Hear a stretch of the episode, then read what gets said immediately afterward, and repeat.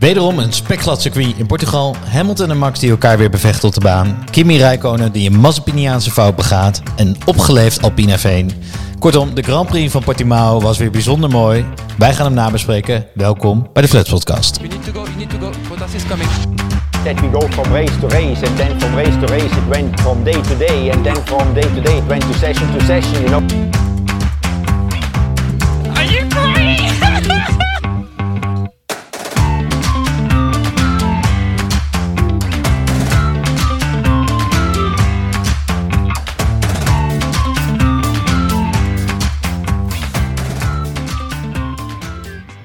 Zo, goeie, goeie avond allemaal. Ja, het is bij ons avond, of wanneer je deze podcast dan ook luistert. Het is hier maandagavond. Mijn naam is Bram. Eh, zoals altijd bespreken we in de Flats podcast komende half uur de Grand Prix van het afgelopen weekend door. In dit geval de Grand Prix van Portimao. Tegenover mij zit Pien. Pien, goedenavond. Goedenavond. Hoe is het? Ja, het gaat ongelooflijk goed. Heb je een lekker weekend gehad? Ik heb een heerlijk weekend gehad. Ja, dat, is, dat is goed om te weten voor onze luisteraars. Eh, En jij? Ja, ik ook wel. Ik, eh, ik, ik moet zeggen... eh, Heb jij een betere uitleg van je weekend dan ik? Nou, het was een heel. Ik vind altijd met, met Formule 1 weekenden ben je continu. Zeker omdat we dan die podcast maken, wil je het goed in de gaten houden. Dus dan ben je die vrije trainingen altijd tussen de bedrijven door op je telefoon aan het kijken. Kwalificatie wordt opeens belangrijk, moet je kijken, weet je wel, aan die race. Ehm, maar wel heel leuk. Ik heb wel. En, en de Formule 1 heeft weer echt wel toegevoegd aan mijn weekend. Ik vond het echt een leuke race. Ja, ja, ja, zeker. Ja, niet iedereen zal het met ons eens zijn. Want eh, het werd gezien als een saaie race overal. Maar ja, er is wel echt genoeg gebeurd. Ja, maar dat is dan ook weer. Misschien omdat we dan toch Nederland zijn. Max, weet je, is lekker. Ik, ik, ik, vond het, ik vond het een lekkere Grand Prix. Ja, Hey, en wat ik me afvroeg, waarom ben jij. Wanneer ben jij Formule 1 fan geworden? ik zou dus heel graag willen zeggen dat ik eigenlijk al jaren keek. En ook voordat Max is begonnen. Maar dat is eigenlijk niet waar. Ik was eerst een, eh, een eh, Max-fan. En toen ging ik naar het buitenland. Heb ik daar gewoond. En toen vond ik mijn vrienden prima. Eh, maar soms niet boeiend genoeg. Dus toen eh, dacht ik, nou, als ik dan sport ga kijken op zondag, dan heb ik in ieder geval een excuus om naar huis te gaan. en dus toen is eigenlijk het, het trieste fandom is begonnen. Eigenlijk, eigenlijk ben jij Formule 1 fan als een soort van rattentaxi. Dus Ja. als een, een reden om weg te gaan om een feestje. Ik moet Formule 1 kijken. Het is dus gewoon eigenlijk een soort van gelegitimeerde Houdini die Nou, ik ja, elke zo- zondag kan plegen. Precies, nou zo rol je erin. Hè? Ja. Ieder zo zijn eigen reden. Lunch met matige mensen of Formule 1 kijken thuis. Nou, perfect. Dan weet je wel hoe, hoe het zit. Nou, jij? Jij bent al ouder, een stukje ouder dan ik, hè? Nou, ik, Dus een stukje eerder begonnen. Ja, ja, rustig aan. Eh, maar nee, ja, ik ben wel... Ik ben eh, de Formule 1 op de basisschool al, denk ik. Dus in de tijd dat... De oorlog net eh, voorbij was? dat nog, dat we nog met paard en wagen door de stad heen trokken. Nee, toen eh, David Coulthard, die jij dus echt alleen maar kent als presentator, eh, dat hij gewoon nog aan het race was met Mika Hakkinen. Ja, toen waren zij McLaren, Mercedes McLaren, en werden zij eh, wereldkampioen. Daar was ik dan voor. Ik was voor David Coulthard. Nog en steeds McLaren werd een wereldkampioen. Dat kan je niet meer voor. Nou, dat kan je dus tegenwoordig wel weer voorstellen eigenlijk. Maar Ja, ze zijn sinds niet door een diep dal gegaan. Maar dus dat, ja, en er was dus nog voordat Schumacher en Ferrari zo groot werden. En natuurlijk onze Jos mee. De gimbakkoning. ah, ons Jos. Oh jee, jee. Ja, dat, ik weet nog dat hij achter op Montoya klapte toen hij op een ronde werd gezet. Ja, dat was een ja, schandalig. Goed. En echt wel, maar hij was echt een, bevlogen coureur, maar niet echt goed, toch? In de regen was hij fenomenaal. Als het regende, daar hoopte heel Nederland op, dat het keihard regende. Want Jos was goed in de regen. En dan was hij ook een keer derde geworden of zo. Nou, heel Nederland op zijn kop. Oh ja? Ja. Maar voor de rest was hij toch wel een beetje... Ja, hij reed matige auto's. En eh, nou, hij is wel teamgenoot van Schumacher geweest bij Benetton. Oh ja. Maar goed, ja, we dwalen af. Ja, van 12. Nou, wij- want wij hebben namelijk voor vandaag ehm, hebben we even een andere format. Want als je dus zo'n langlopende en succesvolle podcast bent zoals wij, dan, dan moet je gewoon af en toe brave genoeg zijn om wat anders te proberen. Luister naar, je, luister naar je luisteraars. En daarom, daarom hebben we hebben geluisterd naar de luisteraars. luisteraars daarvoor bedankt. Ehm, Al vier mensen die hier naar hebben geluisterd. We hebben eigenlijk drie eh, punten allebei meegenomen. Of highlights, lowlines, whatever. Van wat ons opviel aan afgelopen race. Die we graag even zouden willen bespreken. En die, die we graag willen delen met de wereld. Pien. Wat ik heb meegenomen ga jij niet leuk vinden. Namelijk, ik ga lofzang, ik ga, ik ga lof spreken over Alpine. Want we hebben natuurlijk, vorige week hebben ze niet behandeld. Ehm, we hebben ze eigenlijk al afgeschreven naar de achterhoede. Maar ze hebben het dus echt goed gedaan. Ze zijn weer terug, zijn weer terug in het middenveld. Ze zijn P7 en P8 geëindigd. Alonso achterin geëindigd, dachten we. Maar ja, toch weer opgekropen naar P8, weet je wel. Ocon verslaat gewoon eigenlijk de hele tijd een, een tweevoudig wereldkampioen. Ze hebben het gewoon eigenlijk echt best goed gedaan. Ja, dat oké. oké, deze race doen ze het toevallig goed. Ehm, hoewel voor een fabrieksteam is het nog vrij matig, hè? Vergeet dat niet. Dus ze, zijn, ze hebben eigen motor, ze hebben eigen auto. Zij mogen best wel vooraan in het middenveld, voor, zeker voor hun budget, meedoen. Maar, nou is mijn vraag, heb je er ook plezier van? Nee, dat niet. Nee, en daar gaat het toch nee, om. nee, Dit is toch een sport. Je kijkt, je kijkt sport omdat je plezier wil, je wil lachen, je wil er positieve emoties bij. Als ik als Alpine in beeld komt, als ik een van die coureurs zijn, is een soort dementor, al die energie weg.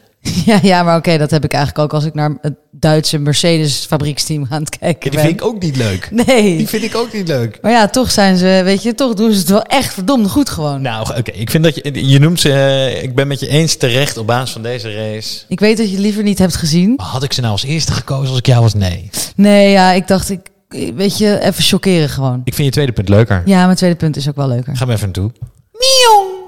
Mijn tweede punt is ehm, niet het standaard handbot-vergevecht aan de voorkant, maar eh, toch een beetje de underdog-positie, namelijk het poedelprijsgevecht aan de achterkant. Het vergeten gevecht aan de achterkant, ja. Ja, is echt, eh, daar, is wel, daar is wel echt veel moois gebeurd hoor. Want wat daar gebeurde inderdaad is dat Mick Schumacher zijn eerste eh, coureur heeft ingehaald in zijn hele carrière. Nou, pluim Wat- voor hem. Wat niet Mazepin, Mazepin rekenen we even niet. Je hebt Nee, 19, ja, je- oké. Je hebt 19 Formule 1 coureurs en je hebt Mazepin. ja, ja, precies. Dus, weet je, hij heeft, hij heeft iemand, heeft inderdaad een andere Formule 1 coureur heeft ingehaald. Ja, ja, ja, precies. En, en niet zomaar één. Nou ja, eigenlijk wel zomaar één, want het was Latifi. Maar er gebeurde in ieder geval van alles bij Haas. En opeens was eh Tsunoda zat er ook opeens tussenin. Weet je wel, dat je denkt van wat gebeurt daar? En Russell en Latifi, die waren opeens dus niet meer zo ver weg van gereden van Haas. Wat betekent dus eigenlijk ook dat eh, Williams best wel slecht gaat Ja, op dit de- moment. ja, Williams valt van een voetstuk waar we ze voorzichtig aan het opplaatsen waren. Zo oh, oh, weet je, na, na zoveel jaren stijf onderaan. Hebben ze dan, hebben ze zich ontworsteld? Is nu Haas de nieuwe Williams? Staan zij stijf onderaan en deze race, paf, helemaal terug. Maar wat het dus oplevert, is inderdaad een, een Mickey Mouse gevecht achterin. Twee teams die extreem langzaam zijn, maar dus wel met elkaar in gevecht komen. Ja, het mooiste is nog, want je zou dus denken dat, dat zij dus eigenlijk op een, op een soort van eilandje in, in, de, in de poppenhoek zeg maar, dat aan het doen zijn. Maar da- daar ondertussen speelt de echte wereld zich ook nog af. Want ze worden dus tijdens dat gesprek, gevecht van Schumacher en Latifi, worden ze dus ook nog eens gevlekt. Dus geblauwe vlag. Dat betekent dus dat ze op een ronde worden gezet door Norris, terwijl zij een eigen gevecht hebben. Dus dat is niet, dat is gevecht in een soort van. Ja, het, is niet als, gevecht. het is als twee kinderen aan het ruzie maken zijn. En dan lopen papa en mama binnen. En dan moet je stil zeg maar, op je stoel gaan zitten. En zodra papa en mama de kamer uitlopen, gaan ze weer met elkaar. ja, ja, precies. en ze moeten even aan de kant voor de leiders, even braaf. En daarna, paf, weer met elkaar in gevecht. Ja, en soms is, gebeurt dat dan tegelijk. Dus waar luister je dan naar? Weet je wel, aan de kant, maar toch weer niet aan de kant. Want ja, je wordt, anders word je ingehaald, weet je wel. Dus er was gewoon echt best wel chaos achterin. En ik, ik, vind, ik, vond, het echt, ik vond het echt leuk om naar te kijken. En, ehm, zoals het natuurlijk een goede poppenhoek beaamt, is er ook een volwassene die met hele eh, rustige eh, stemgeluid aan het voorlezen is. Om die kinderen een beetje tot rust te brengen. Ja, het is, het is eigenlijk een beetje inderdaad. Want En dus nu weer, toch? ja, het, is- het is een beetje alsof Schumacher, zeg maar, dat kindje is met dyslexie, die dan extra begeleiding nodig heeft, weet je wel. Die krijgt dan een kwartier extra op zijn, op zijn proefwerk. En die krijgt dus extra begeleiding. En, en daar gaan we Van, dus... zijn, van zijn engineer, ja. Want we hebben de vorige aflevering hebben we het al laten horen. Hoe extreem lief die man is voor Schumacher. en ik weet niet wat het is. Het zit st- Nou, laten we even luisteren naar wat hij, wat hij nu weer eh, deelde met hem. You need to drive away from him. He's still within the blue gap. Well, okay. Yeah, just drive away from them. Good job. Checkered flag, Mick. Checkered flag. Well done, man. Great driving. You put him under pressure and he made a mistake and you did it. Great job. Really good drive, man. Very hard to drive that close behind another car that many laps. go on to the next one in Barcelona, I would say. Yep. Keep ticking things off the list. Het is toch onvoorstelbaar. Maar vooral die laatste opmerking. Ticking things off the list. Alsof het een grote leidersweg is voor Schumacher. Waar die man hem langzaam doorheen praat. Nee, maar Nee, maar en dat hij dus zegt, eh, zeg maar heel moeilijk om zo. Hij heeft dus 30 rondes achter eh, Latifi gereden. En dan eh, heel moeilijk hoe je dan zo achter in de, in, weet je wel, in de vieze lucht, hoe je dat moet rijden. Terwijl zeg maar, wat? Dat gebeurt zo vaak. Ja. Waar heb je het over? In Ja. godsnaam. Ja, maar dit is, dit, ze hebben hier heel duidelijk dat team heeft voor ogen. We moeten die jongen, moeten we zelfvertrouwen moeten we inpraten. Eh, we moeten hem overal heen coachen. En het mooie is dus nog, omdat hij is dus zo ongelooflijk het vertroetelde kindje, dat dus Vettel heeft hem dus ingehaald op de baan ook. En die is dus daarna hebben ze helemaal een soort van zo weer zo'n sessie met z'n twee gehad, Vettel en Schumacher, van oh goed gedaan, goed gedaan. Dus die heeft ook een pluim op zijn hoofd gekregen nog van Vettel daarna. Het is echt het verwende kindje van de klas. Ja, nou, ik, ik, ik, eh, ik heb er geen woorden voor. En ook, ja, vooral hoe lief die man blijft. Nou, ik blijf Ja, heel echt de benieuwd. liefste race-engineer ooit. Is alweer waar, waar ik volgende week naar uit ga kijken. Hey, ehm, het derde punt, want het gaat over de teamgenoot van deze Schumacher, wat jij hebt meegenomen. Ja, ik kan het dus gewoon weer even niet laten. Elke week denk ik van, ah, oké, ik moet even wat rustiger aandoen met mijn tirades over Mazepin. Maar het is wel... hij heeft het wel weer geflikt hoor deze week. Ongelooflijk, hè? En deze week krijgt hij niet van mij de eh, bijna Mazen finish. Want dat was vorige week, hè. Toen was hij dus gefinished voor het eerst. Nu heeft hij zijn eerste punt gehaald. Strafpunt weliswaar, maar wel in zijn eerste punt gehaald. maar eh, deze week krijgt hij van mij de bijnaam Mazemin. Eh en waarom min, vraag je je af. Nou, omdat hij dus één minuut achter zijn teamgenoot reed. Die ook al al 40 seconden achter het veld reed. Dus oké, het was op het begin even spannend. Maar één minuut, hè? Zeg maar, we hebben het hier over Ja, dus het is precies hetzelfde honderdste van secondes. week. Ja, 64 seconden reed Mazepin achter Schumacher. Het is, eh, nou, Dan ben je zo ongelooflijk langzaam. maar denk jij dat jij dus deze auto net zo snel zou kunnen besturen als Maas, Mazepin? Oprecht. Ik vraag me dus echt af, hè. Als jij één minuut achter je teamgenoot rijdt, die dus al echt extreem langzaam is. Ja, ik, ik, ehm, ik, maar ik vind het wel raar, want hij, hij heeft wel gewoon Formule 2 en zo gereden, toch? Dus hij zou, hij zou wel moeten weten hoe je zo'n auto rondrijdt. Maar dat je inderdaad door je mede-rookie teamgenoot bijna op een ronde gezet wordt, is, is echt absurd hoe langzaam deze man is. Misschien moet hij de race engineer van Schumacher eens lenen. En, het, ehm, ja, ja, nou, ik ben dus wel heel benieuwd, ja, hoe, ik, denk dat die, ik denk dat ze heel anders behandeld worden in dat team. Die Mazepin is, ligt natuurlijk ook niet lekker bij die hele groep. Ehm, want in de kwalificatie was er een momentje met Mazepin. Ja. Want Mazepin reed in de weg. En dat deed hij expres bij Latifi. Want hij vond dat Latifi, hij had iets eh, rekening te vereffenen, vond hij ging niet in de weg rijden. Moet je, moet je even luisteren, want Latifi, die voelt dat aankomen dat het gaat gebeuren. En moet je even luisteren naar wat Latifi zegt tegen zijn team. Yeah, he's probably gonna block me. Yeah, he's gonna block me. What a... I got blocked, of course.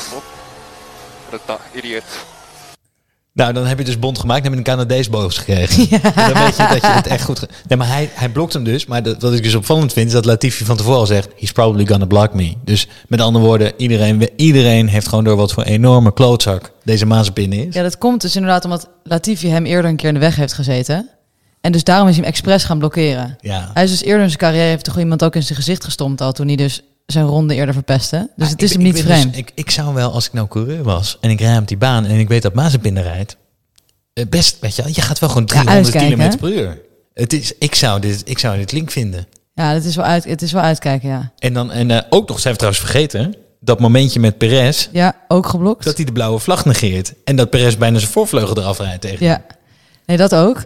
En eh, wat er ook nog eens bij is gekomen, ehm, is dat hij, hij heeft wel fastest lap trouwens gehad tijdens de race. Dat is safety car. Tijdens de safety car heeft hij toch wel de snelste raceronde gereden van de race. Dus ik vond dat wel echt mooi. Ik heb hem ook opgeslagen in, in mijn favorieten bij mijn, eh, bij mijn camerarol. Want die wil je gewoon echt niet vergeten. En eh, hij is gespind. Ja, dat heeft dus niemand... Ja, Die, ja, die de- heb ik ook gemist. Nee, dus dat was tijdens... En het mooie is nog, hij is dus gespind tijdens de eerste vrije training weliswaar. Maar ja, mensen dachten dus dat dit een mazen spinloos weekend zou zijn, maar dat is het dus niet. Eh, en hij heeft Max daarvan de schuld te geven. Entertainment. Entertainment En we weer weer lachend. 100 procent. We hebben het hier weer vijf minuten over Mazepin. Nou goed. Ehm, ik denk, eh, voordat... ik, ik heb ook drie puntjes meegenomen, maar wij gaan eventjes naar de lekenvraag van de week.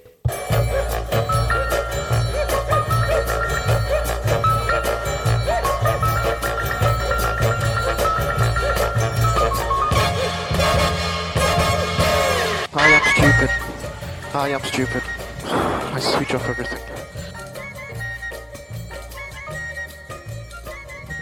Ja, de lekenvraag. De lekenvraag. Ja, ik heb een vraag voor jou meegenomen. Nou, je bedoelt, eh, honderden luisteraars hebben een, Sorry. vraag ingezonden. En wij hebben er één geselecteerd. Ja, ja, precies. Het was een zware selectie. Ehm, dat klopt. Alleen door al die inzendingen ben ik heel even vergeten welke vraag ik ook weer... Ik bedoel, de luisteraars ook weer hadden meegenomen. Eh, Ga je hem nu aan jezelf stellen? Nee, nee, nee. Over de kwalificatiepace. Oh ja, de luisteraars vroegen zich dus af. Ehm, de snelste raceronde in de race, waarom die zoveel langzamer is dan de snelste raceronde in de kwalificatie. Want daar zat dus een groot verschil tussen, toch? Ja, Eh, klopt. Eh, nou, dank voor je vraag. Ik heb, net- het klopt inderdaad, want die, die snelle ronde van Max, die dus is afgepakt, maar wat eigenlijk de snelste ronde was, die was alsnog 1,8 seconden langzamer dan de pole position in kwalificatie. 1,8, dat is echt veel. Dus- en, dat vroeg ik me dus af. Want, ja, eh, Max had wel eh, nieuwe rode banden gehaald. En ze aan het einde van de race was hij relatief licht. Maar hoe zit dat nou? Nou, het is niet een makkelijk antwoord. Het punt is, het is een combinatie van factoren. Dus wat gebeurt er? In de kwalificatie is iedereen volgebrand op die snelle ronde. En waarom is dat anders dan het einde van de race? Ten eerste gewicht. Er is meer benzine in die auto.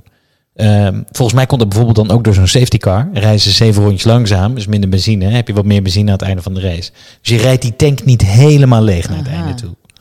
Ehm, je banden zijn anders. Er zit wat slijtage op. Ze zijn echt fonkelnieuw op het moment dat je eh, kwalificatie de pitbox uitrijdt. Je bereidheid om risico te nemen is anders. Want ja, je rijdt op een mooie tweede, derde, vierde, vijfde plek. En je denkt, ja, eh, het zal mijn tijd wel duren. Ik wil nu niet van de baan afstuiteren. Dus je gaat niet tot dat gaatje wat je in de kwalificatie wel opzoekt. En die baan kan dus heel anders zijn. En want als dus de temperatuur, eh, laten we zeggen, vijf tot eh, een paar graden verschilt van het asfalt, dan kan het enorme impact hebben op hoe die auto's functioneren. Dus Wil je daar nog technisch op ingaan? nee, dan moet je maar een andere podcast gaan luisteren. Want dat weet ik ook allemaal niet. Ik heb dit eigenlijk ook maar allemaal opgezocht op internet.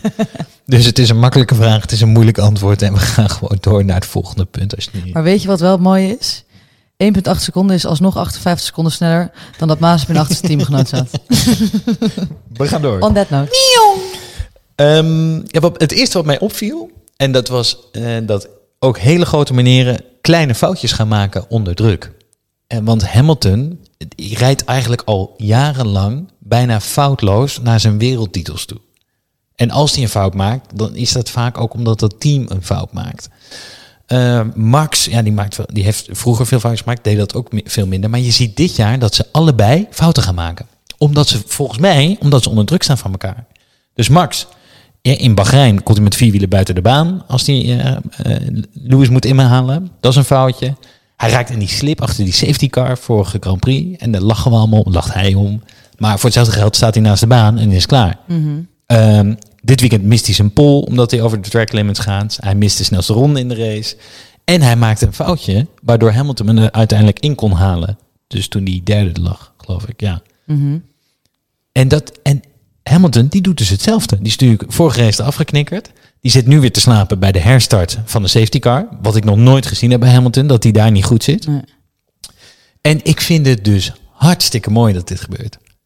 Ja, het is wel, het, is, het, het maakt het wat spannender, ja. Ja. En de Lewis lag te pitten, zei hij, eh, omdat hij in zijn spiegel aan het kijken was waar Max was. Nee, maar precies. Maar dat is natuurlijk- Nou, eh, het kan niet mooier, toch? Ja. Dat is, eh, hij zit letterlijk, moet hij in zijn spiegels kijken, in plaats van dat hij alleen maar vooruit rijdt. En Max heeft ook gezegd, bedenk ik me nu, die heeft gezegd na die race, ja, het is fijn dat we niet alleen maar banden aan het sparen zijn, dat we zijn echt aan het racen. En dat, dat gevecht vooraan tussen twee potentiële wereldkampioenen, ik vind het schitterend. Het is wel echt mooi. Het maar ik vind dus wel eigenlijk dat, dat Lewis wel zich de betere coureur laat zien hoor. Want ik, zeg maar, Red Bull zegt toch de hele tijd van ja, en we zijn zo vaak genaaid door al die track limits en regels en zo. Maar uiteindelijk heeft Max gewoon die fouten gemaakt. Ja, Max schrijft buiten de baan. En Max heeft volgens mij ook de snellere auto. Sneller in de kwalificatie, maar die tijd werd afgepakt. Snelste tijd in de race, snelste ronde, maar die tijd wordt afgepakt. Ja, maar dit, ja, maar dit wordt wel zo'n saai spelletje tussen die twee. Het is echt, een, nee, jij bent de beste. Nee, jij bent Ja, de beste. Zij ik proberen niet. elkaar de hele tijd op te hemelen, zodat zij de underdog lijken. Ja, maar dat, dat snap ik dus ook niet. Waarom je per se in die underdog-positie Ja, wil dat is, zitten. dat is een beetje trademark Mercedes. Ja, Maar maar Red Bull begint er nu ook net weer aan, eh, aan mee te doen. misschien om druk weg... Misschien dan inderdaad vanwege die druk, die dan op die schouder... Wat je dus ziet, ze beginnen foutjes te maken. En dat ze denken dat door de druk op de ander op te voeren... dat er meer fouten komen. Maar het is dus wel mooi, want eh, Hamilton die heeft eigenlijk alleen zoveel fouten gemaakt. Tenminste, dat ik weet. En ik zit er nog niet heel lang in. Toen hij dus met Rosberg zo strak op het kampioenschap zat. Toen, was hij namelijk, toen heeft hij ook heel veel fouten gemaakt. Gecrashed.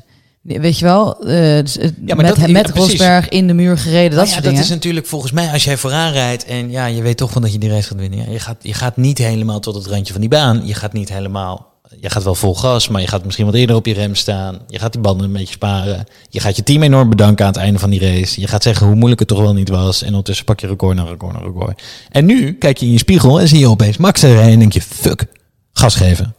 En dan ga je van, ja, ik weet niet. Ik vind het, je Ja, het ziet is wel het. echt mooi. En het is ook dus inderdaad eigenlijk alleen Max en Lewis. Want dan komt Bottas er als een soort van lulletje rozenwater ook nog even een beetje bij Ja, die tussendoor. natte tosti man, houd toch op. Dan heb je pole position, dan sta je daar. Hoe makkelijk die weer wordt ingehaald door, door Lewis. En dan Bottas, eh, weet ik veel waar we zitten, 88.0. Ik wil er geen woorden aan vuil maken. Het is ook echt een beetje... Hij was dus... eh, op een gegeven moment zag je dus zo'n situatie dat Max tussen Hamilton en Bottas inreed. En toen zag je dus zo Hamilton fastest lap, Bottas fastest lap. En die heet het zo, weet je wat, tegen Max aankomen. En toen dacht je op een gegeven moment, oké, Bottas gaat hem dus inhalen. En toen zo, ah, anticlimax weer. Ja, Best onboeiende toevoeging, maar dat wil ik nog even zeggen. Ja, dat heel Bottas boeit me gewoon niet. Wat ik wel ehm, nog even zou willen delen, is eh, een, een ander foutje wat Hamilton maken wat best grappig was. Op een gegeven moment komt hij Perez tegen op de baan. En Perez, die was nog niet gestopt. Hamilton wel. En op dat moment denkt Hamilton dus dat hij hem op een ronde gaat zetten. En ik denk dat het komt door Alexander Albon. Dat hij gewoon denkt, ja, die tweede Red Bull, die, die, als ik die tegenkom, dan is dat alleen maar omdat ik hem op een rondje zet. En die had dus nooit verwacht dat hij hem op... Let even op naar de boordradio. Flags. Nope, you're racing him. To stop. Hoe mooi is dat? Dus hij schreeuwt om Blue Flags naar zijn engineer en zegt, no, you're racing him. Maar dit is ook echt, ik vind het, en het, het, het hoe noemen we het? Het, eh, het verneukt wel echt een beetje zijn cover van dat Red Bull beter is. Want hij neemt, hij zegt dus gewoon letterlijk, ik zet deze, deze Red Bull op een rondje. Terwijl hij dus de hele tijd in interviews zegt, nee, Red Bull is zo goed. Ja, joh, maar het, het- precies. En je wordt er helemaal gek van. Ja, weet je, ik, ik heb hem net een grote meneer genoemd. Daar laten we het bij. We gaan door naar het volgende punt wat mij opviel. En dat is eigenlijk dat deze race opeens weer de natuurlijke pickorde van vorig jaar hersteld is. En dat vind ik best jammer. Dus vorig jaar, je kon ehm, een Grand Prix best wel uitschrijven op wat er, wie er achteraan zou eindigen, wie er in het middenveld zou eindigen en wie er vooraan zou eindigen. En dit jaar leken daar een beetje verandering in te komen. En dat hebben we, al- jij hebt er al een paar punten van benieuwd. Alpine, die leek terug te vallen. Williams leek het opeens heel goed te gaan doen. Ehm, Ferrari eh, meldt zich veel meer vooraan dan andere jaren. En deze race is dat allemaal weer een beetje teruggedraaid. En dat vind ik wel jammer. Want Ferrari had weer enorm tactisch geblunder. Net zoals vorig jaar. Sainz is 45 ronden op de medium naar buiten gestuurd. Is helemaal teruggezakt door dat veld. Hele mooie kwalificatieplek is door helemaal door de pleeg gespoeld. Ehm Alpine inderdaad weer naar behoren, want die zitten weer zevende, achtste. Die zitten weer in het middenveld. En Williams weer compleet teruggevallen. Terwijl vorige race reed Russell gewoon was Bottas aan het inhalen. Oh ja, Ik zeg het nog maar dat een zou je keer. bijna vergeten, ja. Nee, dat ga ik niet vergeten. Dat ga ik mijn hele leven niet meer Ik vind het echt vergeten. jammer. Dus, en, dan, en dan dus Bottas weer op het podium. Dus dat is dan ook weer jammer.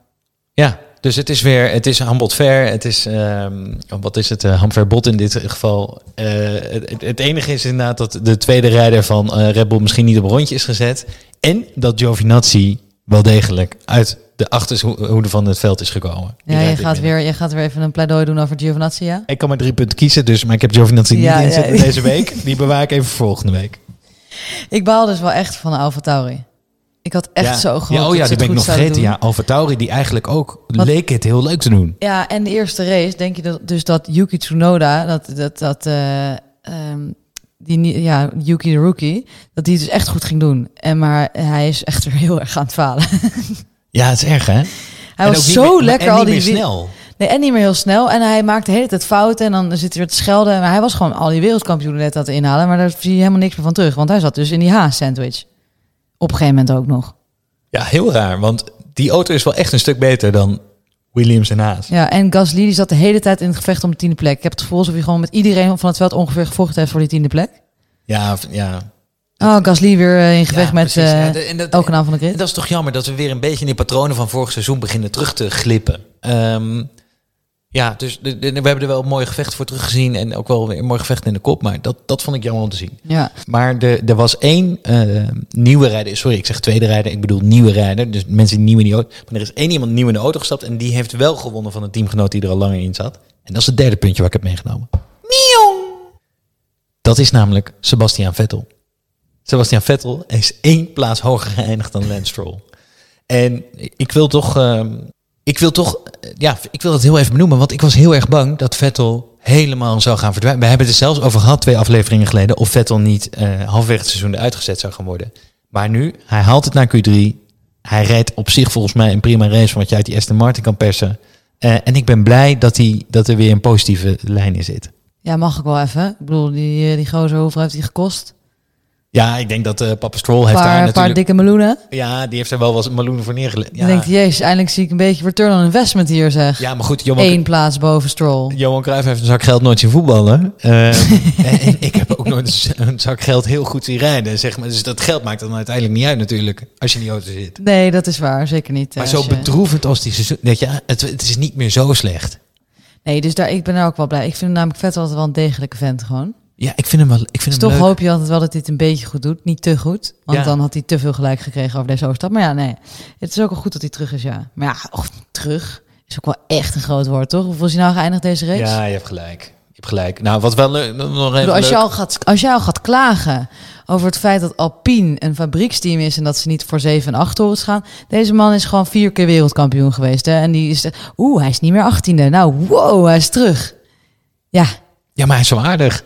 Ja, hij is wel aardig. Nee, je hebt gelijk. Je hebt gelijk. Je niks hebt- voor. Je hebt helemaal gelijk. Ehm, we gaan even. eh, Wat ik wel nog eventjes wil laten horen is. eh, jij wees me er eigenlijk op. Dat hij in de training bij de verkeerde team stopt. Ja. En dat gebeurt dus wel vaker met nieuwe coureurs bij teams. Maar dat is, ik zijn boordrijder is dan weer heel leuk.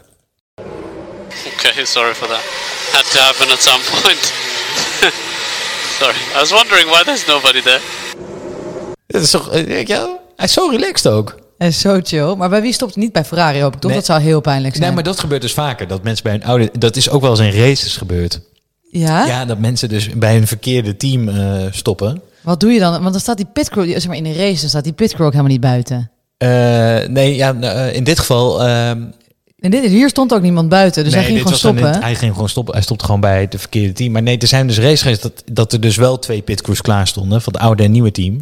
En dat is een coureur bij zijn oude team stopt. Ah, zo. En ik, maar ik had het dus, maar hij was niet bij Ferrari gestopt, dus dat zou echt Nee, mooi zijn. nee, want dat is echt een beetje alsof je per ongeluk gewoon je, je vervelende ex belt, weet je wel? Het is gewoon net dat verkeerde klopje op WhatsApp, wat je dan gewoon, ah, kut gebeld. Zou die nog wel eens contact hebben met Ferrari? Dat denk ik niet. ik denk het ook niet, hè? Nee, nee, nee. Of misschien dat hij zeg maar één zo'n één iemand in binnen Ferrari heeft die nog soms belt om te klagen, weet je wel? Dat is met oud-collega's. Heb je dat nooit gehad? Nee, ja, ja, nee, dat heb ik wel eigenlijk met oud-collega's gehad. Ja, absoluut. precies. Snap je? Die ene collega die er ook een beetje een hekel aan heeft. En, daar ga je en dan mee klagen over Ferrari. Een Ja, beetje roddelen, ja. ja. Dat zou, ja. Ik weet niet. Nee, weet je, maar dat doet Vettel. Die Vettel, die heeft gewoon zijn principes gewoon... Weet je, dat is gewoon een gouden vent. Zeker voor een Duitser. Weet je, misschien is hij gewoon heel leuk als hij gestopt is met zijn carrière... en dan eh, analist gaat worden en ergens... We gaan even door. Pien, we gaan even door naar een nieuwe rubriek die wij bedacht hebben. En dat is de ode van de week. Oh ja. De ode aan iets of iemand of een fenomeen wat we deze week voorbij hebben zien komen. Ik start even de tune.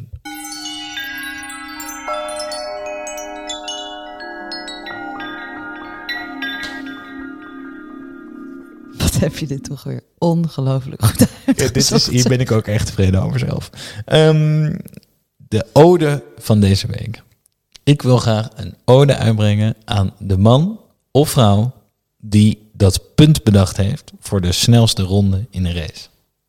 Want man, wat heeft dat veel toegevoegd aan deze race en aan mijn adrenaline en plezier. Ja, dat is... Ja, ja, ja. Want deze race was normaal gesproken hartstikke doodgebloed. Eh, als er gewoon omdat de, de, de gaten waren er, er ging niet zoveel meer veranderen. En dan gaat Bottas stoppen om die snelste raceronde te pakken. En wij balen allemaal onze stekker. Want dat Mercedes gaat dat punt wegpakken. En dan besluit Red Bull om in de allerlaatste ronde Max naar binnen te halen. Best wel een risico. Doen die gasten gewoon. En dan zitten we allemaal op het puntje van onze stoel. Gaat, gaat Verstappen die snelste ronde pakken. En ik vond het genieten. Ik vond het zo mooi. Ik vind het, ik vind het een heerlijke uitvinding. En een terechte entertainment. En het is ook wel echt terecht entertainment. En zeker omdat gewoon... Dus inderdaad, je krijgt dat ene extra WK-punt. En dat kan dus nog wel spannend worden. Want Hamilton en Max, die zijn dus echt dicht bij elkaar liggen ze. Dus daar zou het om kunnen spannen, toch? Dat is het ook een beetje. Ja, nee, er zijn... Waarom het is toegevoegd. Ja, eh, eh, wat ik al vorige keer zei, er zijn wereldkampioenen beslecht in de allerlaatste ronde, omdat er nog één iemand, één iemand inhaalt. Dus echt, die, die punten kunnen van levensbelang zijn. Ja, ik vind het dus inderdaad mooi, want en Hamilton die raakt ook in de stress, hè? Want je zag dus dat Bottas naar binnen ging. Toen ging Max ook naar binnen. En toen was Hamilton eigenlijk al in zijn laatste ronde volgens mij. En die vroeg toen aan zijn race engineer... moeten wij dit ook niet doen? Ja, de- Want hij dus ook dat extra punt, maar dat kon helemaal niet meer. die wou nog even een rondje aan die race vastplakken. Ja, ja, Eh, precies. oh ja, be my guest, maar... Be my guest. Ja, en ik vind het dus ook altijd mooi. Dus nu is, was het echt heel spannend hè, op het einde. Maar soms heb je dus dat, dat zeg maar, dus die punt telt alleen maar als je binnen de top 10 rijdt. Maar soms zie je dus dat, een, dat iemand op P8 of zo dan opeens die snelste raceronde pakt. En dan zie ik gewoon voor me dat die top 3 zo echt zo... Yo, wat kom jij opeens doen, weet je wel? kom je die punt van me jatten dan? Ja, dat is toch leuk? Is een En je bent wel is een gewoon... beetje zo'n kleine badass die dan opeens ook even zo aankomt. Ja, maar als je de snelste bent, snelste ronde in een race, is ook, vind ik wel echt een ding. Is niet een gezochte prijs, zeg maar. Ik vind dat een terecht dat je daar een punt voor krijgt. Ja, dat, ja zeker. We gaan even door het laatste element van En dat is de vooruitblik naar de volgende Grand Prix. Barcelona. Barcelona. We gaan eigenlijk ehm, als goed bedoelde, nietswetende podcastvertellers... gaan wij de goed bedoelende, nietswetende luisteraar vertellen... waar hij of zij op moet letten bij het kijken van de Grand Prix van Barcelona. Ik heb wel een puntje. Want Barcelona gaat eigenlijk de eerste race worden... waarin je die teams heel goed met elkaar kan vergelijken... en waar we nou echt staan. Want je had Bahrein, nou dat was de eerste race van het seizoen. Forget about it, dus niet representatief. Toen kreeg je Emilia Romagna, regen, eh, moeilijk, moeilijk, moeilijk. Dat Geeft ook niet echt de, de, de, krachtva- de krachtverschillen weer. Dit was een heel gladde baan en er stond heel veel wind en het was wat kouder. Ehm, en Barcelona, maar Barcelona is gewoon het meest standaard Formule 1 circuit wat je kan verzinnen. Dat is echt doorsneden dan dat wordt het niet. De temperaturen zijn er altijd goed, daarom testen ze daar normaal gesproken. Ze kennen die baan van haver tot gort. Ehm, het, is ook qua, representatief qua layout. Dus daar gaan we echt een hele goede eh, gaatmeter zien voor hoe, hoe dichtbij Red Bull en ehm, Mercedes echt op elkaar staan. Ik vind het eigenlijk dus wel knap dat je dus de saaiste baan van het jaar verkoopt als gewoon de spannendste baan van het jaar. Want je kan eigenlijk goed de verschillen zien. Ja, nou, nou, nou, Het is de meest standaard baan. Iedereen heeft er het meeste ervaring, want ze testen er elk jaar. ja, behalve dit jaar dus. Dus normaal ja, is oké, het behalve dit jaar. Normaal zo'n eh, Grand Prix van Barcelona helemaal doodzaai. Want dan hebben ze daar al eindeloos getest. En dan gaan ze daar... Dus dan die vrije trainingen, ze weten al lang die setup, zeg maar. Dus dat... En nu is die dan wel wat dat oogpunt nog een stukje leuker. En, en dus ja, gewoon een goede, goede krachtmeter. En het heeft emotionele waarde. Hè? Max heeft daar zijn eerste race gewonnen. Ja, dat is waar ja, trouwens. Dus ja, dat is bizar. ook nog... En die stapte toen gewoon in een nieuwe auto. Ja, Dus dus dat was die- zijn eerste race.